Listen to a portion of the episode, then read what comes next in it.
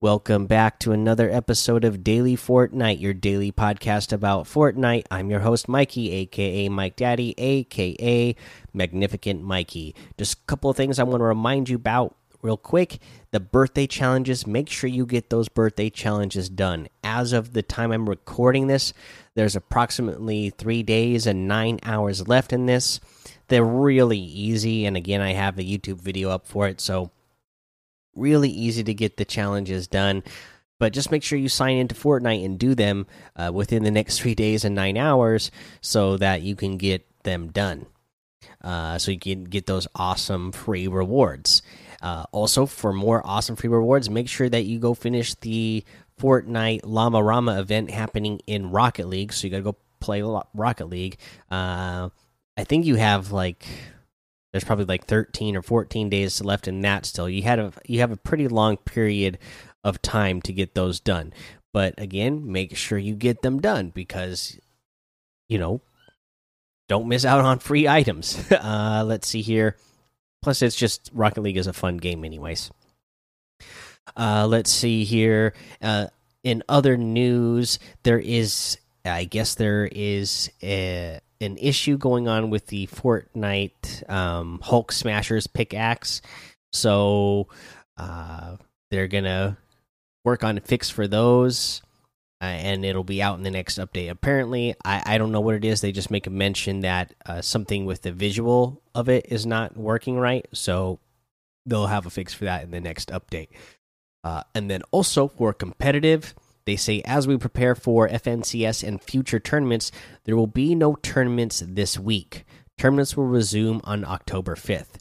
So, no tournaments at all this week. Uh, I take that as a good sign that they are really making sure that they are, you know, tightening everything up and making sure that everything is ready for when FNCS starts, making sure that they are really working out those bugs again because, you know, we're in the year of COVID and, you know, all the tournaments this year are all going to be online. Nothing that they can do about that. So they really got to, you know, hunker down and uh, do the best they can to give the best, the best uh, gaming experience that they can given the circumstances. So looks like they're taking the next week to make sure that that is what they uh, will do their best to to uh, provide.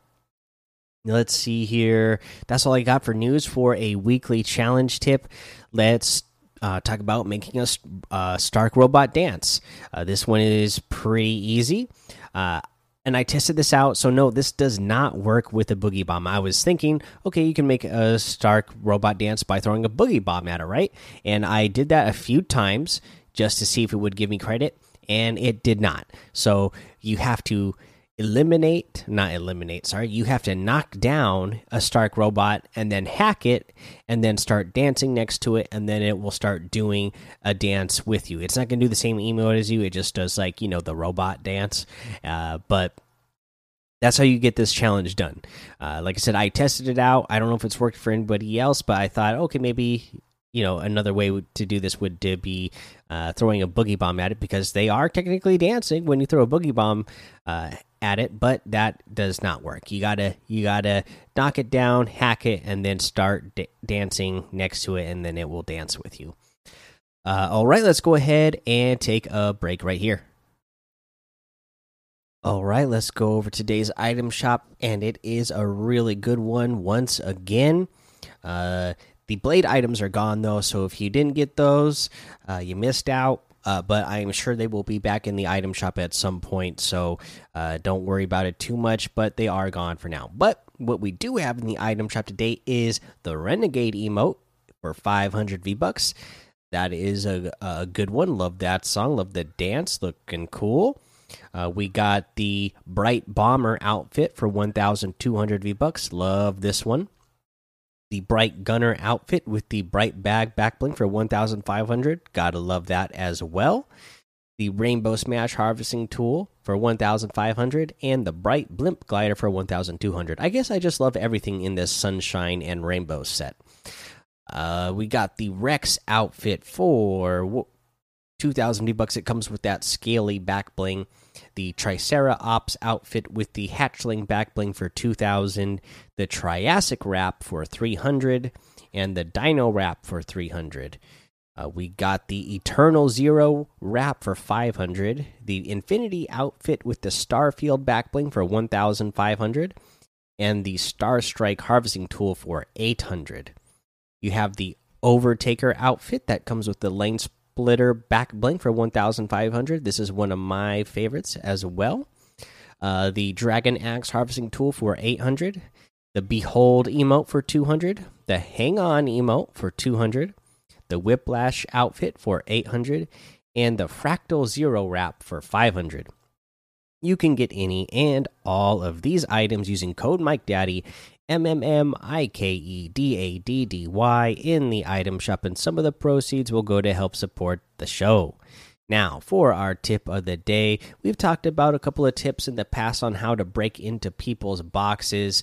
Uh, again, I'm going to bring another oldie but goodie back for anybody who doesn't remember this trick or wasn't around when this trick uh, was something you could do. But uh, this is a great way to take over somebody's box and protect yourself at the same time because there's a lot of tricks that we've talked about in the past on breaking into somebody's box with the impulse or the shockwave grenades right? And getting inside somebody's box. But then you end up inside that person's box and if your aim is off uh, then uh, you know at that point you're in a pretty tricky situation uh, because now your opponent has a chance to fire back. So with this trick, you're going to have a lot more control over the situation. So what you're going to do is you're going to get on top of the box. You are, uh, and it doesn't matter if they are controlling the floor and cone. You know, say that you're trying to take it over but you, you every time you break it with your pickaxe uh, they replace it fast enough before you can replace it with your own. So what you're going to do is build away from their box. Three you're going to stay on top. So at the top of their box build three floors away from their box. At the end of the third floor build a wall. And then you're going to stand at the end of the second tile. So you'll be one tile away from your wall throw an impulse, or I mean, the shockwave grenade at the wall. So you're going to be facing the wall, so that way your back is to your opponent's box. So when you throw that shockwave grenade at the wall, you are going to be sent backwards. Uh, but because you have those floors there, you're going to stay on that level, and you are going to end up on the top of their box. But because you use that shockwave grenade, you are also going to break the top of their box. You will end up breaking their floor and the cone that was there. So as soon as you get back to their box as you're doing that shockwave grenade, you need to be spamming your your floor that entire way back that you are being shockwaved back. That way when you get to their box as you break the top of their box, you will replace it with your floor. And then right after that, place your cone. So now you own the floor and the cone on your opponent's box. And now you have full control over their box, being able to make the edit to either, you know,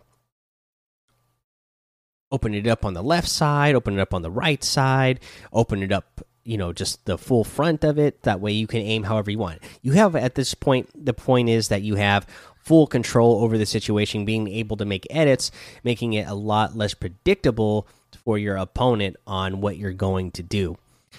All right, guys, that's the episode for today. Go join the daily Fortnite Discord and hang out with us. Follow me over on Twitch, Twitter, and YouTube. It's Mike Daddy on all of those. Head over to Apple Podcasts, leave a five star rating and a written review for a shout out on the show. Make sure you subscribe so you don't miss an episode. And until next time, have fun, be safe, and don't get lost in the storm.